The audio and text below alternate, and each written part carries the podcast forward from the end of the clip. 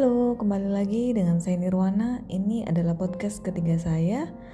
Kali ini saya akan bercerita tentang bagaimana berbisnis bersama pasangan atau kalau sekarang ini lebih familiar dengan kata couplepreneur.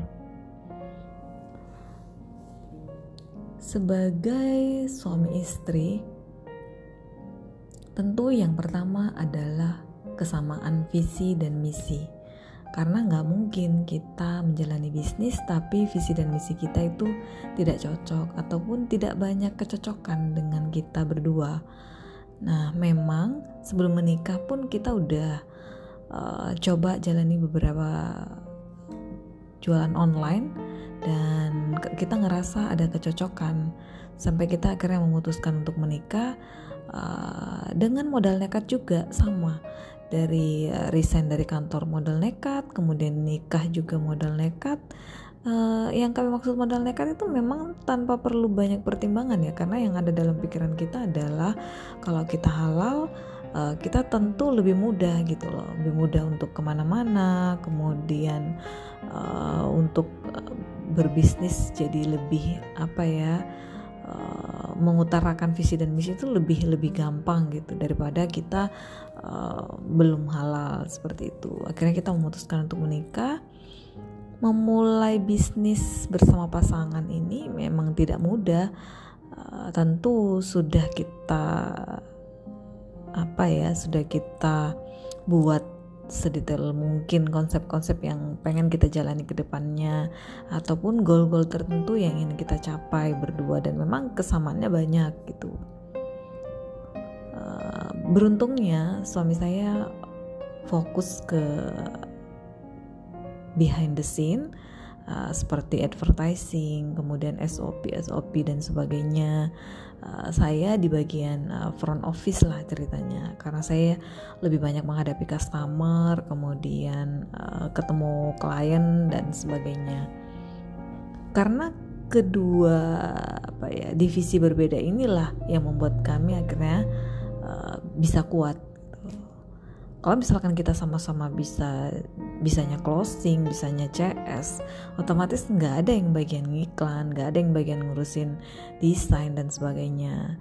Apa back office-nya nggak ada yang ngurusin. Tapi karena kita berdua ini uh, memiliki apa ya passion yang ataupun uh, uh, apa ya ah apa ya keahlian yang berbeda membuat kita akhirnya uh, bisa menuju tujuan kita seperti itu.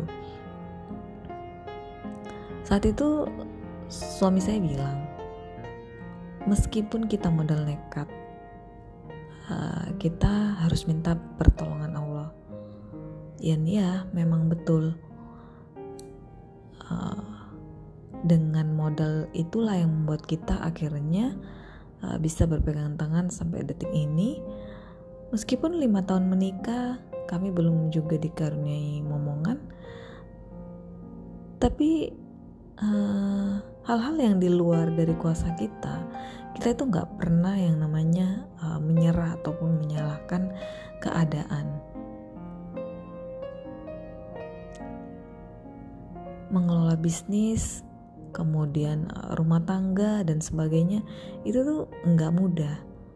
Tapi kalau misalkan kita punya kesamaan visi kemudian uh, kita bersinergi apa ya uh, energinya tuh kayak dapet gitu loh. Jadi kita nggak ada keluhan kita tidak ada saling menyalahkan kemudian kita nggak apa ya uh, lebih tepatnya um, ya itu tadi ya sama ya satu visi satu misi jadi untuk mencapai tujuan tersebut ya kita bergandengan tangan aja terus eh, nggak uh, menyerah dari podcast saya yang pertama sampai yang ketiga ini saya selalu bilang bahwa memang uh, saya memiliki pribadi yang tidak mudah menyerah.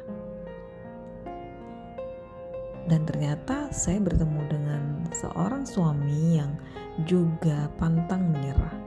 Otomatis kami berdua bisa menjadi kuat sampai sekarang ini.